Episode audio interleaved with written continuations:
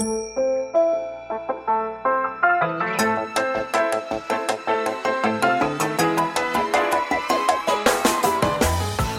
lieve luisteraars, welkom bij de Stories of Inspiration podcast van What's Your Story. De podcast waarin ik jou laat horen dat er achter ieder gezicht een inspiratiebron schuilt. En waarin ik jou heel veel tips ga geven over hoe jij meer naar buiten kunt treden met jouw authentieke verhaal. Heel veel plezier met luisteren en na afloop ben ik onwijs benieuwd wat je ervan vond. Stuur me een berichtje via Instagram als je wil reageren, als je vragen hebt of als je jouw verhaal ook zou willen delen. Veel plezier met luisteren!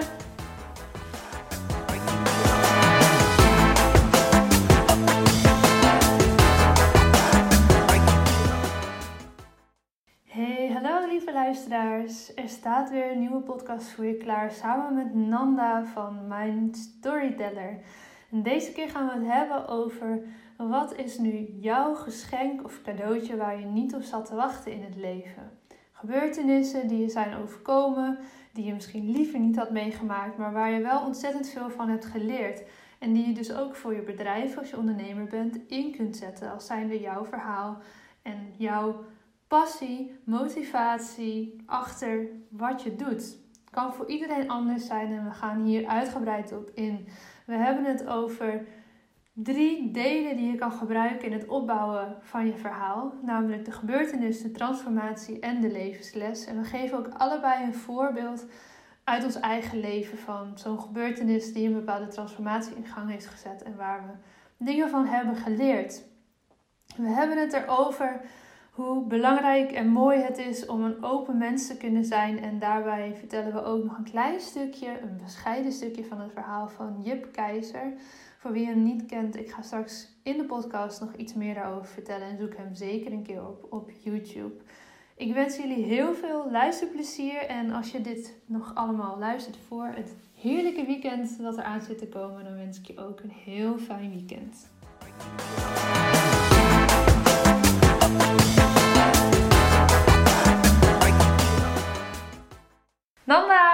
Zijn we weer. Yes! Derde een nieuwe aflevering. Ja, ik heb er zin in en we hebben weer zoiets moois voorbereid samen. Ja, Ja, vandaag gaan we het eh, hebben natuurlijk over storytelling. Maar in, in het specifiek over welke cadeautjes heb je gekregen in het leven waar je niet op zat te wachten. Dat gaan we straks uitleggen. En hoe kan je dat gaan inzetten voor ja, je bedrijf en het vertellen van verhalen. ja, ja. En er zitten in je verhaal zitten heel veel onverwachte cadeautjes. Ja, Dat, eh, jij en ik dat allebei ook wel in onze sessies met onze klanten merken. Dat er komen zoveel mooie cadeautjes komen er tevoorschijn. Ja, ja, en vaak heb je zelf niet eens door hoeveel dat er wel niet zijn. Want ze zijn klein, ze zijn groot, ze zijn vrolijk, ze zijn verdrietig. Ze hebben Ja. veel impact of een beetje impact gehad. Maar al die kleine verhalen, die cadeautjes zo gezegd, ja, daar kan je wat mee. Ja, En daar gaan we het over hebben vandaag. Zin in! heel veel zin in. Ja. Hey, ik ga eh, even kort introduceren waarom we hiervoor hebben gekozen. Ehm, ik heb een aantal video's teruggekeken van Jup Keizer. En misschien dat sommige luisteraars hem wel zullen kennen van het programma Over Mijn Lijk. Hij deed mee in het vierde seizoen, dat was in 2012. En is daarna ook overleden. Dat kon je ook zien in dat seizoen. Ehm, en eh, ja, eigenlijk was dat gewoon een hele jonge vent, begin 20, vol in het leven. En hij deelde zoveel mooie, wijze levenslessen met het Nederlandse publiek, met de mensen die keken. En ehm, nou ja, we waren aan het nadenken van hè, wat gaan we in deze podcast bespreken. En eigenlijk wilde ik hem heel graag nou hierbij aanhalen, omdat ook voor mij daar heel veel nou lessen in hebben gezeten in hoe hij naar het leven kijkt. En een van die dingen was dus dat hij het heeft over cadeautjes die je krijgt in je leven waar je niet op zit te wachten. Ehm, gebeurtenissen, ervaringen die je liever niet had gewild. In zijn geval was dat dat hij kanker kreeg en daaraan ging overlijden. En dat wist hij op een gegeven moment ook. Nou, dat was natuurlijk best wel een groot cadeau Dat klinkt al gelijk heel tegenstrijdig, maar een grote gebeurtenis waar je misschien niet op zat te wachten. Maar dat kunnen ook allemaal kleinere hobbels zijn die je tegenkomt along the road. En ehm, ja, wat ga je daar dan mee doen? Hè? Stop je ze ergens ver weg onder je bed uh, en laat je het daar verstoffen? Uh, of ga je het uitpakken en geef je de lessen die je leert door aan de wereld? En daar willen we het vandaag over gaan hebben. Hoe je dat dan dus mooi kan gaan doen. Yes. Heel mooi, uh, heel mooi voorbeeld ook, wat je, wat je erbij hebt gehaald. Ja, ja, want jij kende Jip niet, toch? Nee. Vooraf? Nee. nee. Ik, ken, ik kende hem nog niet. Het is echt aan mij voorbij gegaan uh, destijds. En ook in de afgelopen jaren. Ja, hij zal vast en zeker meerdere keren aangehaald zijn. Met zijn mooie levenslessen. Maar ja, ik heb uh, een stukje gekeken van die aflevering van toen. En ja, heel, heel krachtig hoe hij dat deelt. En tegelijkertijd heel ontroerend. En ja, echt wijze levenslessen inderdaad. Hoe oud ja. zal hij geweest zijn? Ja, volgens mij was hij begin 20. Als ik me goed herinner. Ik heb het niet meer ja. opgezocht. Maar jong in ieder geval. Ja, ja. Ja, ja indrukwekkend. Ja, vond ik ook. Dus daarom dacht ik, laten we zijn verhaal erbij pakken. In die zin dat hij het heeft over cadeautjes die je krijgt in het leven waar je niet op zat te wachten. En de koppeling maken naar het vertellen van de verhalen rondom dat cadeautje. Want in storytelling, en daar gaan we het zo meteen uitgebreid over hebben, gebruiken we heel vaak de opbouw dat er een gebeurtenis is. Vervolgens maak je een transformatie mee en daaruit leer je een bepaalde levensles. Ja. Nou, die willen eigenlijk stap voor stap bij langs gaan om jullie te laten zien hoe je zowel grote verhalen als kleinere momentjes uit je leven kan gaan vertellen aan bijvoorbeeld je volgers online of tijdens netwerkmomenten, um, in een blog, uh, noem maar op, eigenlijk in een podcast. Hoe je dus, nou ja, al die verhalen die je in je hebt naar buiten kan brengen. Dus laten we beginnen bij gebeurtenis. Ja, gebeurtenis. Ja, dat is inderdaad waar je je verhaal uh, in storytelling waar je mee begint. Uh, je vertelt over je beginsituatie. Dus hoe voelde je je voordat die transformatie plaatsvond? Um, hoe stond je in het leven? En nou ja, op dat moment gebeurt er iets. Uh, en dat kan klein of, of groot zijn. Maar er gebeurt iets wat iets in gang heeft gezet. En op dat moment is dat heel vaak is dat, uh, nog onbewust. Mm -hmm. Je bent je er nog niet van bewust dat er iets in gang wordt gezet. Ja. Um, dus het is een gebeurtenis vaak waar je achteraf over nadenkt. Hé, hey, wacht even, dit moment dat heeft, dat heeft het op gang gebracht. Dit moment heeft voor de transformatie gezorgd. En dat kan echt, het kan van alles zijn. Het, het, het kan je studie zijn. Het kan een cursus zijn die je gevolgd hebt. Het kan zelfs een, een gesprekje zijn wat je misschien hebt opgevangen in de bus.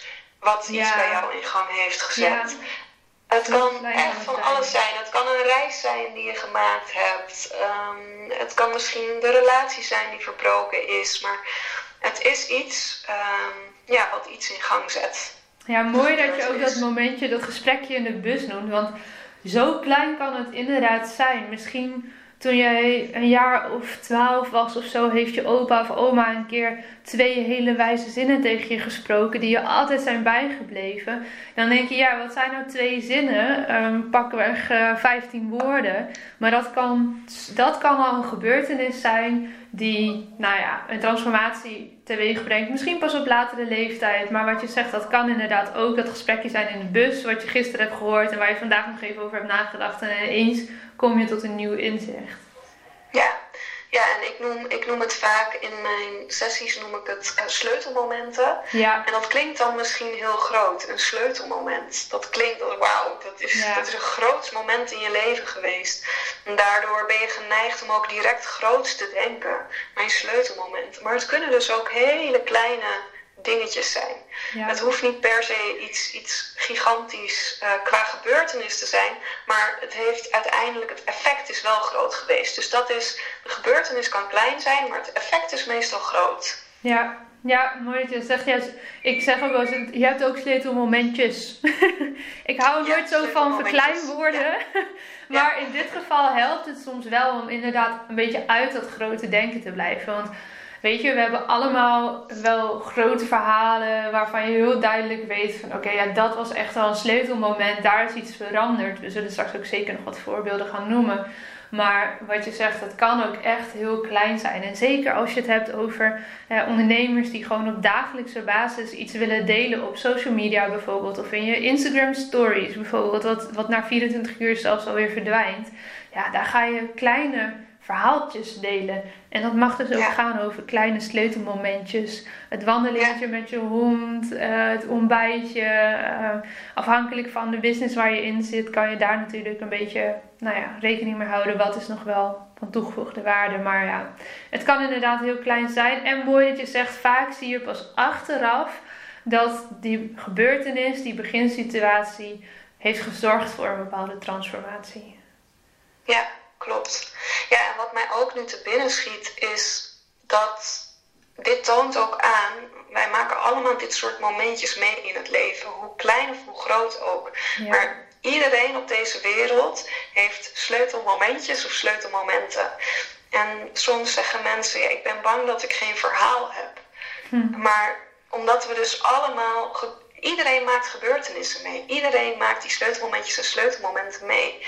Dus we hebben ook allemaal een verhaal te vertellen. Ja. Uh, dus mocht je twijfelen, is mijn verhaal wel interessant genoeg? Heb ik überhaupt een verhaal? Denk dan aan je sleutelmomentjes. Denk dan ook aan die kleine dingetjes, want ook dat is een verhaal. Ja, ja, mooi. Ja, en dan kom je eigenlijk aan bij, um, bij de tweede stap, namelijk transformatie. Dus je hebt gebeurtenis, transformatie, levenslessen. En in een stukje transformatie, dat is eigenlijk net als bij gebeurtenis, heb je dat vaak nog niet helemaal door dat het gebeurt. Soms wel, als je dat bewust in gang hebt gezet. Uh, maar ook dat kan je soms pas na afloop zien dat je inderdaad door een bepaalde transformatie heen bent gegaan. En ook hier, dat klinkt weer heel groot natuurlijk, transformatie, maar dat kan ook veel kleiner zijn. Ehm, en vaak kan je daar nog niet zo goed, zeker als het een grote transformatie is, kan je daar vaak nog niet zo goed over vertellen als je er nog middenin zit. Dus op het moment dat je dat cadeautje pas net hebt gekregen, bijvoorbeeld in het voorbeeld van uh, Jip, die hoort dat hij kanker heeft gekregen. Ja, dat moment dat je dat hoort, die dag en misschien die eerste weken of maanden, dan zit je er nog zo in dat het bijna nog niet mogelijk is om daaruit gelijk al bepaalde levenslessen te destilleren en door te kunnen geven aan mensen. Nou, is Jup een heel mooi voorbeeld van iemand die dat dus wel heel snel heeft kunnen omzetten. En godzijdank, want hij overleed op een gegeven moment. En hij heeft voor die tijd nog heel veel mooie levenslessen kunnen doorgeven. Maar gun jezelf daarin dus ook de tijd als je merkt. Oké, ik geloof dat ik hier iets aan het leren ben. Eh, dat er iets verandert. Dat ik hier iets over wil vertellen. Maar ik weet nog niet zo goed uh, hoe het allemaal op zijn plek valt. Dat klopt, want je zit er dan nog middenin. Ja, ja, dat klopt. Heb jij ook wel eens met klanten dat je misschien merkt dat zij eigenlijk nog midden in hun transformatie zitten? Ja, ik heb dat af en toe. En dan vooral uh, met de één op één dagen die ik geef. Omdat je dan dus echt de diepte in gaat met jouw persoonlijke verhaal. Um, meestal is dat niet zo. Zijn mensen inderdaad op een punt aangekomen dat ze vanuit helikopterview ernaar kunnen kijken en klaar zijn om dingen door te geven. Maar ja, het gebeurt ook wel eens dat we, uh, dat zowel degene die bij mij, komt als ik inschatten dat, dat, dat ze op dat punt zijn. Want eigenlijk is dat het mooiste voor zo'n één op één dag. Dan haal je het meeste eruit als je ondernemer bent in ieder geval. Maar soms gebeurt het wel eens dat je gedurende de dag merkt van... Oh shit, maar ik zit hier nog middenin. Dit is nog een stukje van mij en dit, dit wil ik eigenlijk helemaal nog niet delen. Of uh, ik heb dit nog niet uitgevogeld hoe dit allemaal zit voor mij. En dat maakt de dag niet minder waardevol. Want uiteindelijk zitten er ook heel veel uh, nou, verhalen in die je wel al kan vertellen. Maar soms kom je erachter gedurende zo'n dag dat je denkt: oh shit, maar uh, hier zit ik nog middenin. Of je wist niet eens dat je in die transformatie zat, überhaupt. Dus ja, dat gebeurt wel eens. Ja, bij jou denk ik ook wel, of niet? Ja, bij mij inderdaad ook. En, maar het is wel mooi om te merken dat mensen daar dan gedurende de dag zelf achterkomen. Dat, ze in, nog dat ze in een transformatie zitten. Dat er dus wel een gebeurtenis uh, is geweest die voor een transformatie heeft gezorgd waar ze middenin zitten. Ja, hoe gaaf is dat? Meestal is dat, um, is dat een, een, realisatie die ze voor die dag dan nog niet hebben. Dus ze weten wel van die gebeurtenis, maar ze hebben zich nog niet zozeer beseft dat dat iets in gang heeft gezet waar ze op dit moment middenin zitten. Ja, en dat, is eigenlijk prachtig natuurlijk, want als je daar dan bewust van wordt, ja, dan gaat die transformatie alleen nog maar meer bloeien. Uh, ga je daar meer aandacht aan schenken waarschijnlijk. Ga je het meer omarmen. Kan er ook voor zorgen dat je daardoor uh, dat dingen op zijn plek vallen. Dat je denkt, oh, maar dat komt hè, omdat ik dingen aan het verwerken ben. Of omdat ik nu pas hier tijd aan besteed. Ja, mooi. Ja, het vergt denk ik ook wel de nodige kwetsbaarheid, denk ik. Om zeker situaties die voor verdriet hebben gezorgd, of die voor frustratie of woede of zulke soort emoties hebben gezorgd, om daar dan uiteindelijk over te kunnen zeggen: Ik heb hier iets van geleerd. Dit heeft wel iets positiefs voor mij teweeggebracht. Want het is veel makkelijker en veel veiliger om in dat verdriet te blijven en om in die woede te blijven. En het vergt moed eigenlijk. Het vergt best wel wat moed om te kunnen zeggen ik ben dankbaar dat dit gebeurd is, want het heeft me dit en dit geleerd. Ja, en het is soms ook heel ehm, confronterend om dat te zeggen als bijvoorbeeld een dierwaarde is overleden. Hè? Hoe kan je dat nou gaan zien als een cadeau of als dat je daar dankbaar voor bent? Dat, dat is, nou ja, je, je, je voelt dan alles, dat klopt niet, dat kan niet. En natuurlijk wil ik ook niet daarmee zeggen dat, dat je daar dankbaar voor zou moeten zijn, hè, want dat is gewoon ontzettend verdrietig. Maar waar je wel dankbaar voor kan zijn, is de, de lessen die je uiteindelijk hebt geleerd doordat het is gebeurd. We willen niemand verliezen, niemand wil dat. En dat is inderdaad een cadeau waar je echt absoluut niet op zat te wachten. En het woord cadeau, hè, dat, dat schuurt. Maar ik denk dat daarmee wel, juist omdat het zo'n zo contrast is, wel duidelijk wordt wat we daar eigenlijk mee bedoelen. En Oh, er komt een berichtje binnen. en wat ik ook heel vaak uh, zie gebeuren, weet je, dat als je dus zo'n transformatie doormaakt, dat je was eerst persoon A en je handelde als persoon A, je keek naar het leven als persoon A. En als je eenmaal door die transformatie heen bent en dat ook bewust doorhebt, dan ben je nog wel steeds dezelfde persoon. Alleen je kijkt wezenlijk anders naar de wereld om je heen. En je maakt misschien zelfs andere keuzes.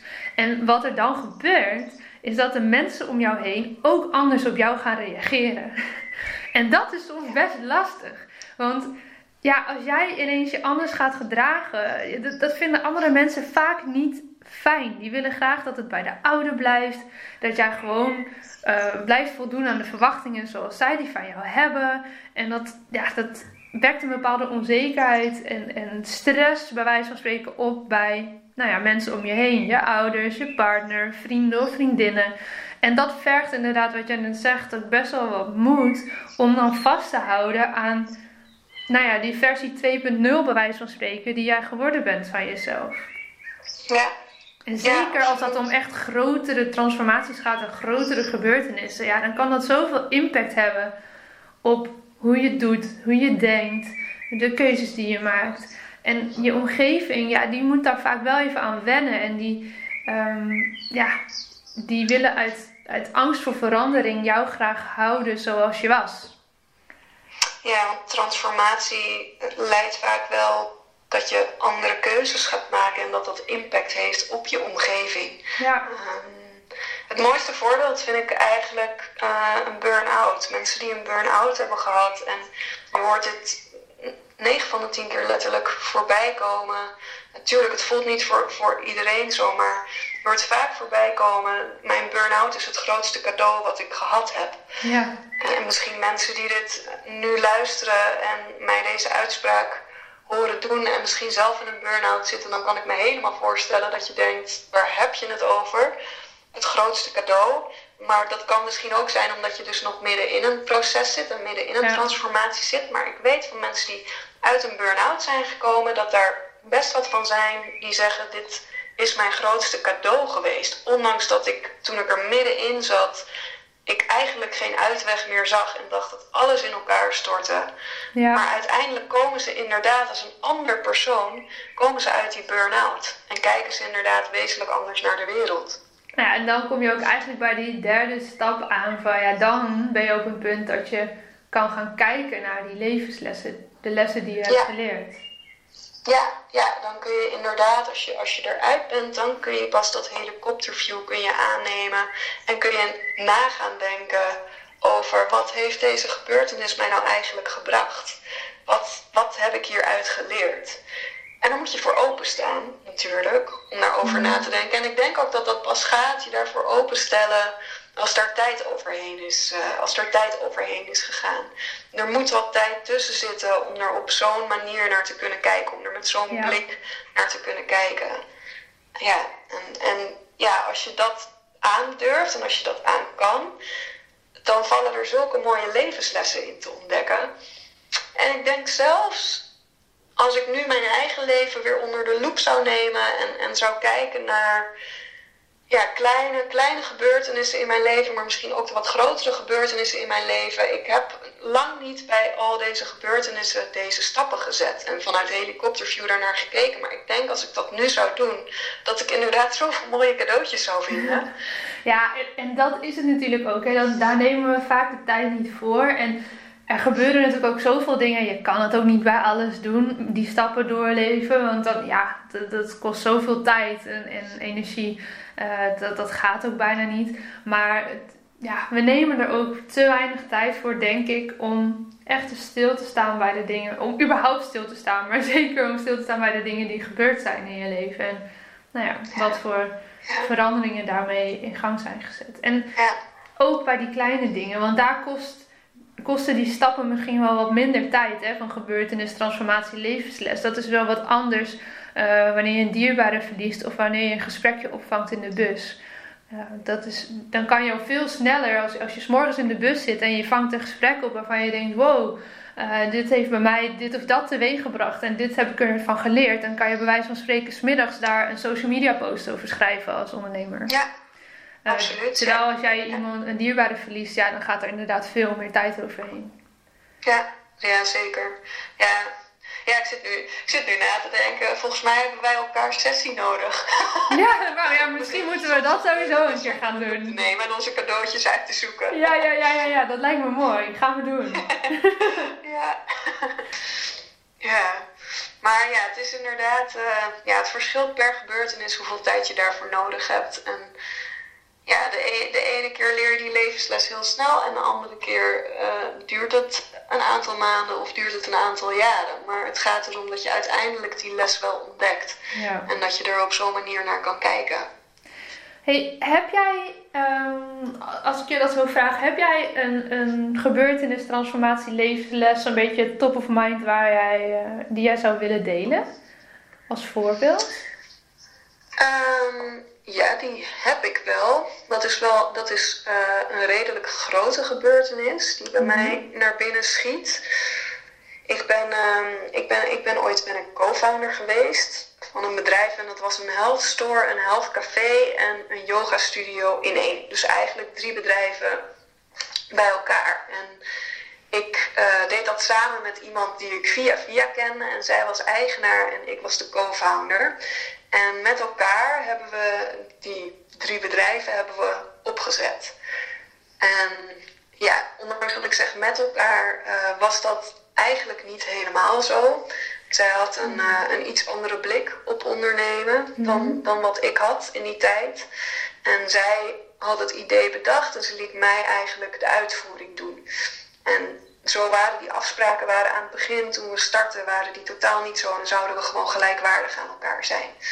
Maar ja, dat is verschoven en dat is op een, uh, ja, op een vrij manipulatieve manier, niet echt op een leuke manier, is dat gebeurd. Hmm. En ik heb me anderhalf jaar lang heb ik me heel slecht laten behandelen. Echt een beetje als een voetveeg of als een, ja, als een, als een slaafje, manusje van alles. En kei en keihard gewerkt. Zeven dagen in de week bezig om dat bedrijf succesvol van de grond te krijgen. En nou ja, heel, heel hard gewerkt.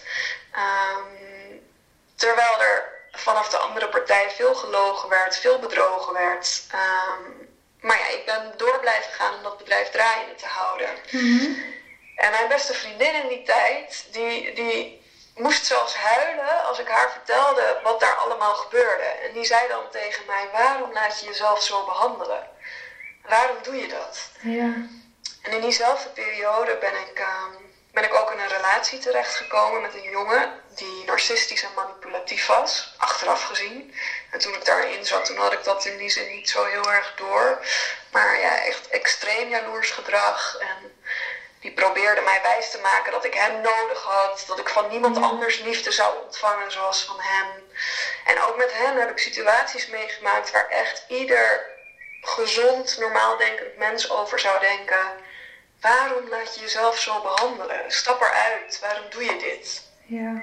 En ik heb in die periode heb ik echt af en toe gedacht dat ik gek werd. Ik had zoveel frustratie had ik in me. Ik had zoveel woede had ik in me over alles wat er gebeurde. En ja, dat, dat is zo'n intense periode is dat geweest. En ik ben weggegaan op een gegeven moment bij dat bedrijf. Ik heb inderdaad, godzijdank, uh, de beslissing gemaakt. Dit kan niet langer, ik, ik moet hier weg. Mhm. Hetzelfde voor die relatie. Godzijdank kreeg ik op een gegeven moment de helderheid van geest en heb ik die relatie beëindigd.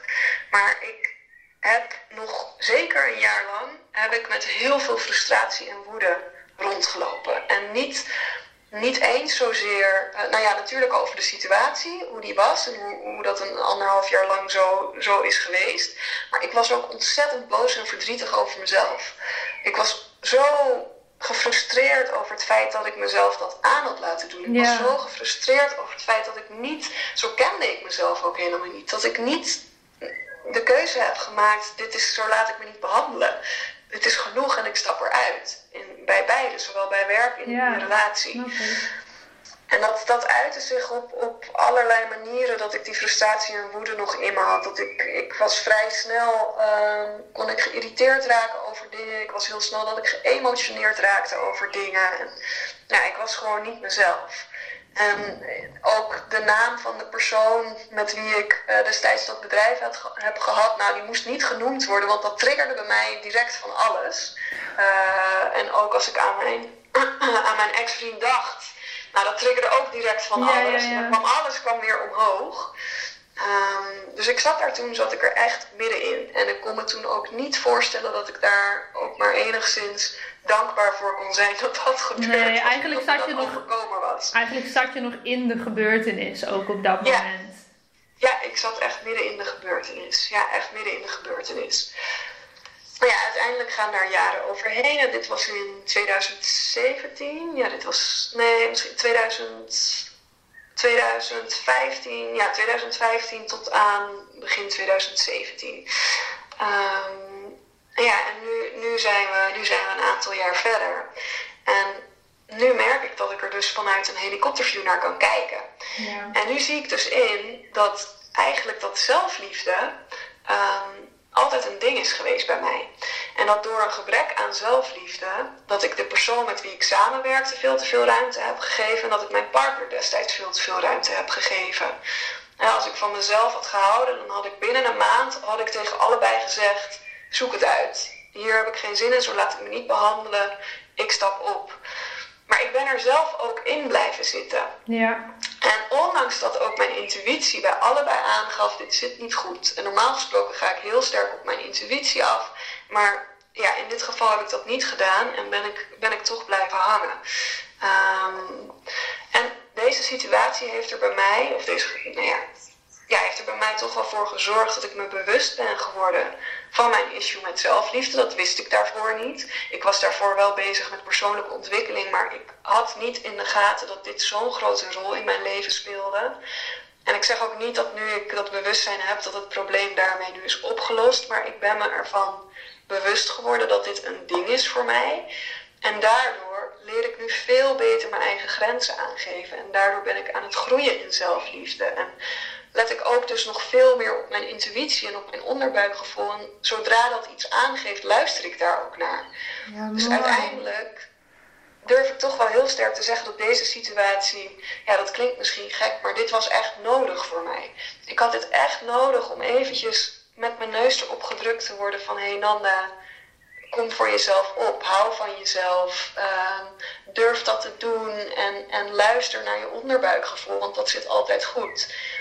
Als dat niet gebeurd was, ja, dan had ik dit niet op deze manier, uh, niet op deze manier geleerd. Nee, en wie zal zeggen hoe het verhaal dan verder was gegaan, hè? Hoe je dan in zo'n stikkende relatie vast kan uh, blijven zitten. Ja, we kunnen daar natuurlijk nog onze hele filosofie op loslaten op inhoud, maar laten we hem inderdaad blijven pakken even op een stukje storytelling. Heel mooi hoe jij aangeeft van nou, wat was je beginsituatie? Hoe was het eerst? Uh, wat gebeurde er toen? En welke transformatie je uiteindelijk hebt meegemaakt. En dat dat dus ook echt wel, nou ja, zeker een jaar zeg je, heb je nog rondgelopen met frustratie en woede. En eigenlijk was, is dan, dan nog natuurlijk niet dat, dat die transformatie, die, die is eigenlijk nog steeds gaande als ik jou zo zeg. Je leert nog steeds over zelfliefde, uh, leren luisteren naar je gevoel, je grenzen aangeven. Maar je bent ondertussen ook op een punt dat je kan zeggen, dit en dit en dit heb ik ervan geleerd. En kan ik ja. alweer doorgeven aan iemand anders. Ja, ja, dus ik kijk er nu ook niet meer. Natuurlijk, het, het doet me nog steeds, het doet me nog steeds enigszins verdriet als ik erover praat. Maar niet meer op zo'n heftige manier als dat het was. En ik merk ook dat ik. Ik had heel veel. Echt, ik heb dat nog nooit in mijn leven gevoeld, maar echt haatgevoelens. En dat is zo heftig om te voelen. Ehm, en dat, dat heb ik allemaal los kunnen laten inmiddels. En door dus dat ik heb ingezien van hé, hey, deze gebeurtenis, ik heb hier echt iets uit geleerd en dit heeft me, dit heeft me alleen maar verder geholpen in het leven. Um, ja, heb ik dat los kunnen laten en zit die lading zit nu niet meer zo, zo sterk op die gebeurtenis. Ja, mooi. En ik denk um, wat wij bijvoorbeeld in, die, in onze trainingsdagen ook doen, laat ik voor mezelf spreken, maar ik vermoed dat dat bij jou ook zo is, dat je dan dus nog een laag dieper gaat kijken van oké, maar wat is er dan misschien gebeurd in het verleden of in je jeugd, waardoor je uh, in deze gebeurtenis niet je grenzen hebt aangegeven, waardoor je te weinig zelfliefde hebt gevoeld. Uh, wat zit daar misschien nog verhaal, voor verhaal onder of achter? Soms is dat, is dat niet per se zo aanwijsbaar hoor, maar soms is dat ook heel duidelijk bij mensen. Oh, maar daardoor komt het dat je op hè, in je tiener, twintiger, dertiger jaren uh, hier tegenaan bent gelopen en waardoor je nu staat waar je staat. Ja, klopt. Ja, ja dat, wat dat betreft zijn de sessies die wij geven zijn ook heel erg uh, coachend in die zin. Ja. Um, omdat we inderdaad dan gaan kijken naar wat is de oorzaak hiervan. Ja, ja want dat, dat is natuurlijk zo mooi als je dat Weet je, want vaak wat ik in ieder geval merk is dat als je dus inderdaad een laag dieper gaat en dan misschien nog een laag dieper gaat en misschien wel nog een laag dieper, dat daar dan de kern zit van waarom je eigenlijk bent begonnen met je bedrijf en waarom je doet wat je doet.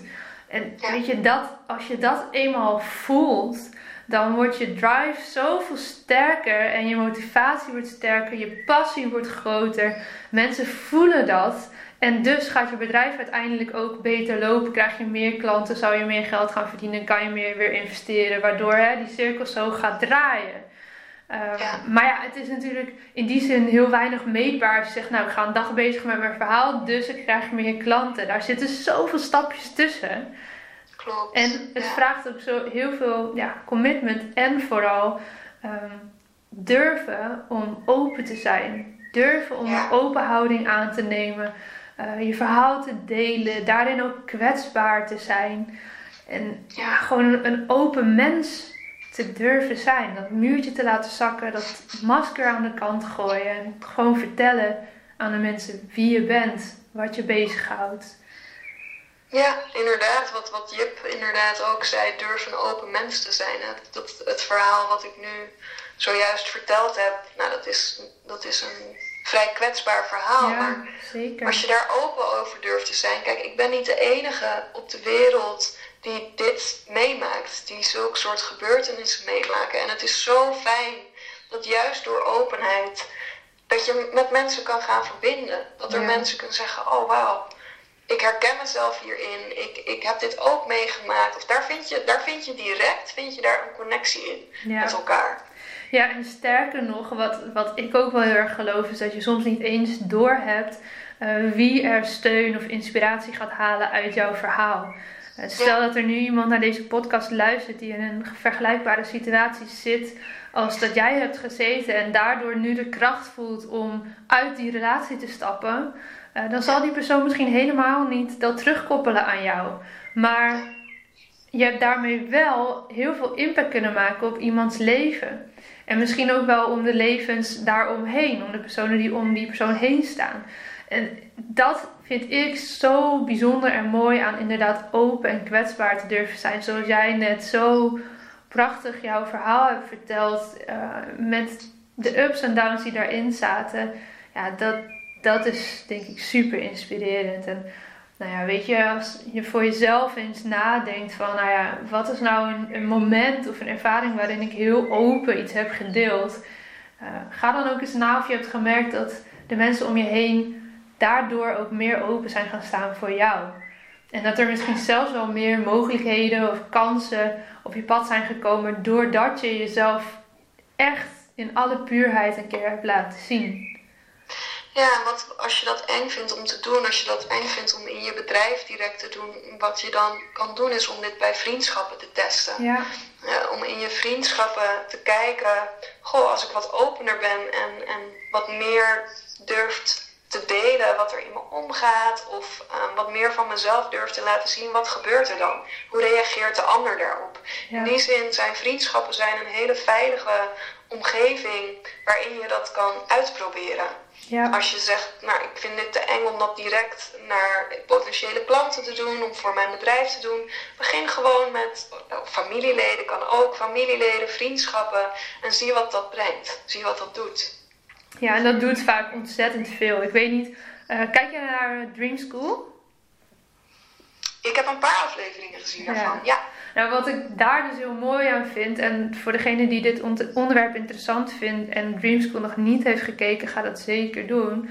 Is dat je daar dus ook ziet um, dat er zoveel maskers eigenlijk gedragen worden door mensen. Um, bijvoorbeeld de grappenmaker, die wil door iedereen leuk gevonden worden. Um, dat is eigenlijk de rol die je dan een soort van hebt aangenomen voor jezelf. Terwijl er misschien allerlei dingen in jouw relaties niet goed gaan. Met ouders, met vrienden, met je partner, uh, zakelijke relaties. Omdat ze gewoon jou kennen met een masker op. En uiteindelijk is dat natuurlijk dodelijk vermoeiend en niet vol te houden. Tuurlijk, we spelen allemaal verschillende rollen in het leven en je neemt verschillende rollen aan.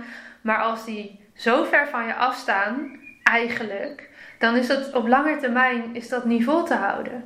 En ja, ik vind dat je dat in het programma dus heel mooi ziet. Het zijn allemaal super jonge mensen nog die shit hebben meegemaakt, waardoor ze ook in die bepaalde nou ja, rol zijn gestapt of een houding hebben aangenomen. Maar als je dat dan dus, als je daar een beetje achter dat muurtje mag kijken, wat er dan nou, nou ja, tevoorschijn komt, dat is zo puur en kwetsbaar. En dan ineens zie je ook dat die verbinding ontstaat. En dat, er, dat, je, dat je liefde kan ontvangen ook van mensen. Want ja, als daar een muur tussen zit of een masker, ja, dan kan je dat nooit helemaal omarmen. En nou ja, dat heeft ook wel weer met dat stukje zelfliefde te maken, wat jij zo net zei. Ja. ja, als jouw vriendin vanuit haar beste bedoelingen zegt: waarom laat je je zo behandelen? Zegt ze eigenlijk: waarom hou je niet van jezelf? Ja. Maar ja, als jouw muur daarvoor zit, dan kan je dat bijna niet horen.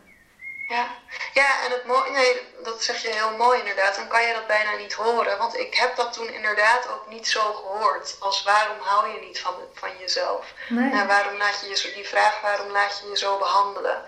Ehm, ja, daar heb ik toen destijds heb ik daar ook niet heel diep over nagedacht. Ik heb, ik heb die, die vraag heb ik weer losgelaten en gewoon weer bam, door. Door met waar ik in zat. Um, ja. Ja. Mooi. Ja, heb jij, heb jij een, uh, een voorbeeld waarbij je dus een, een transformatie hebt meegemaakt na um, een gebeurtenis ja. waar je een les uit hebt geleerd?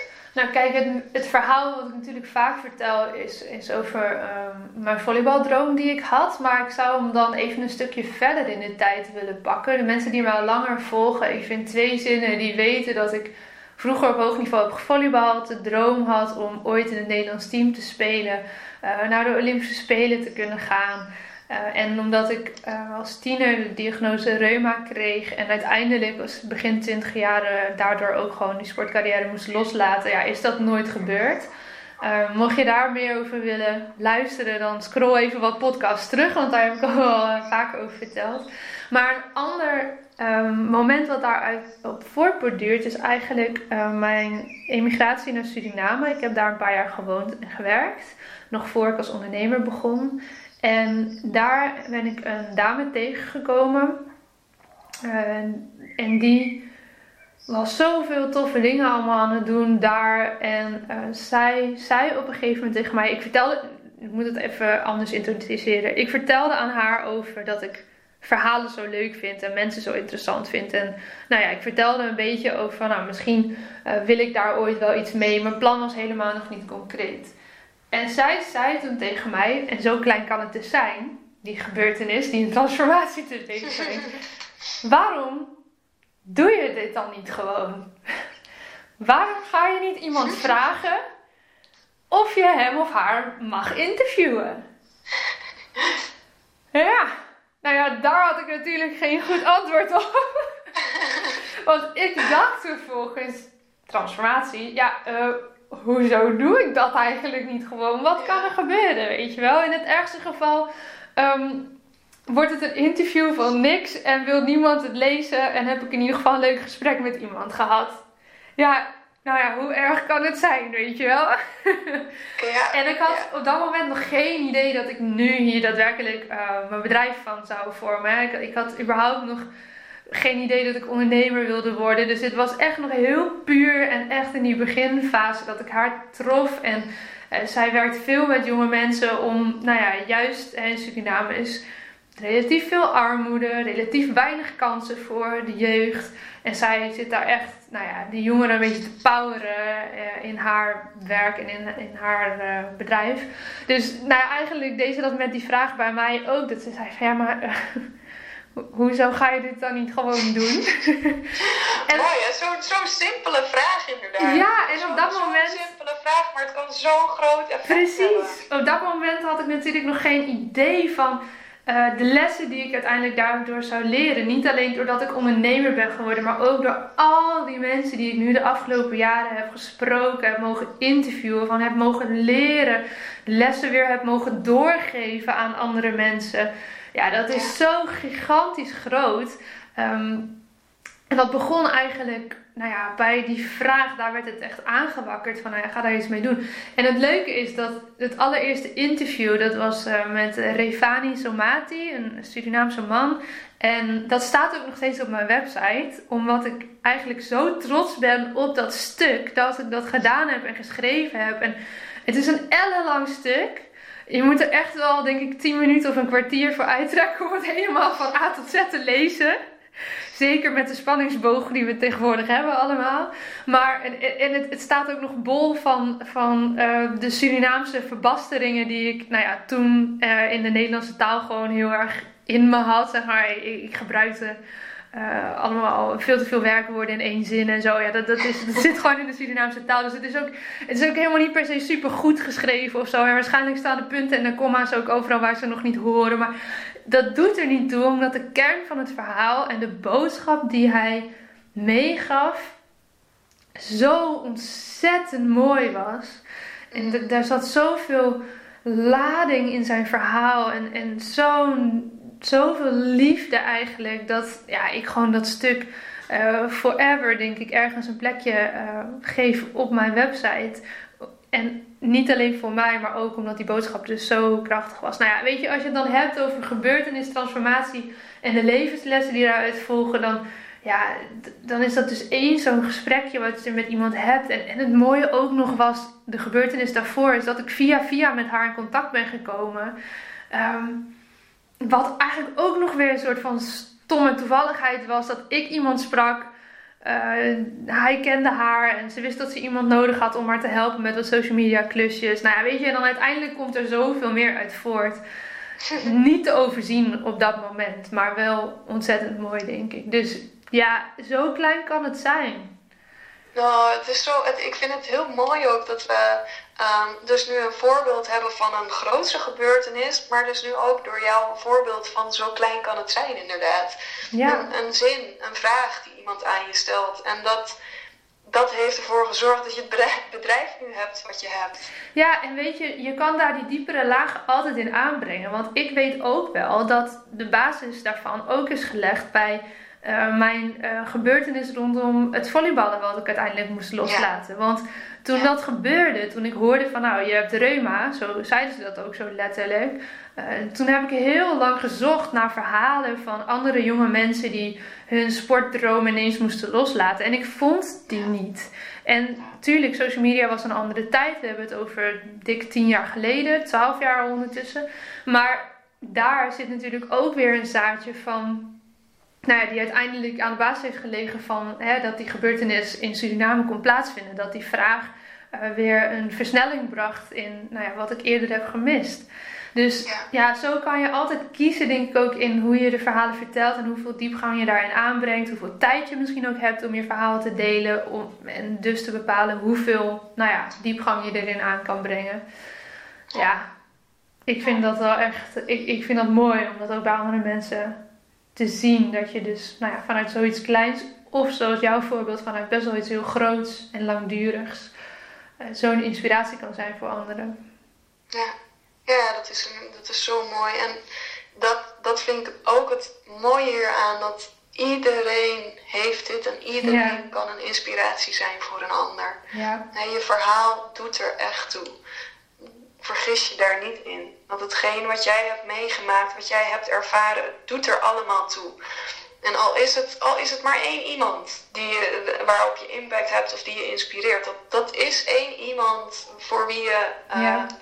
ja. voor wie je een verandering teweeg hebt gebracht. Hoe ja. groot of hoe klein. En daar begint het ook. Hè? Zeker als je startende ondernemer bent en hier nog mee struggelt. Het begint ook bij de impact die je op één persoon kan maken. Ja. En vanuit daar worden het er twee, worden het er tien, worden het er honderd, misschien wel duizend, misschien wel nog meer. En uiteindelijk gaat het niet om dat je zoveel mensen hebt mogen inspireren, maar wel omdat ieder persoon met wie jij nou ja, een stukje hebt mogen meelopen in die reis, afhankelijk van wat, wat voor bedrijf je hebt natuurlijk, dat je iets kan meegeven wat die persoon ook weer zal meegeven. En dan wordt het natuurlijk mooi dat als jouw bereik groeit en jouw impact groeit, dat nou ja, die olievlek ook steeds sneller groeit. Want al die mensen met wie jij in contact bent, staan weer in contact met de mensen om hen heen. En die weer met de mensen om hen heen. Ja. Ja, dus Het, het begint inderdaad, wat je zegt, het begint bij één iemand. Ja, ja en dan is het een rimpeleffect inderdaad, ja. wat er vervolgens ontstaat. Ja. Ja. Dus jongens, begin vandaag maar uh, met in ieder geval één, naar één iemand ietsje opener en ietsje kwetsbaarder een verhaal te vertellen. Ja. Dan ben je begonnen. Ja, ik denk dat dat misschien ook wel een mooie opdracht in die zin is om de podcast mee af te sluiten. Van probeer het eens uit bij, ja. bij familieleden of bij vrienden. Kijk eens wat dat doet. En misschien nou ja, daar nog een opdracht aan vastgekoppeld kijken eens in jouw leven of er iets bij je te binnen schiet qua gebeurtenis waarvan je weet dat dat een transformatie in gang heeft gezet. Meestal ja. voel je dat wel. Mooi. Of het een transformatie in gang heeft gezet. En kijk dan eens of je al kan zien welke les je daaruit hebt geleerd. Of misschien kan je dat nog niet zien en dan weet je, oké, okay, de transformatie is nog gaande. Ja. Maar ja. Mooi. Zijn, denk ik, uh... En laat het ons ook zeker weten als je daar iets over wilt delen. Vinden we alleen maar heel erg leuk. Ja, laat het inderdaad, laat het ons zeker weten. Mooi. Dankjewel. Ja, jij bedankt. Het was een mooie aflevering. Ja, zeker. Over twee weken zijn we er weer. Dan zijn we er weer. Doei doei. Doei doei. Ja, dat was hem weer voor deze keer. Dankjewel voor het luisteren en ik hoop dat je hebt genoten van deze podcast. Wil je me helpen deze podcast te laten groeien? Laat dan een recensie achter via iTunes of deel in je Instagram stories dat je hebt geluisterd en vergeet mij niet te taggen. What's your story? NL. Zo kunnen wij er samen voor zorgen dat er meer en meer inspirerende verhalen gedeeld zullen worden. Alvast onwijs bedankt voor je support en tot de volgende aflevering.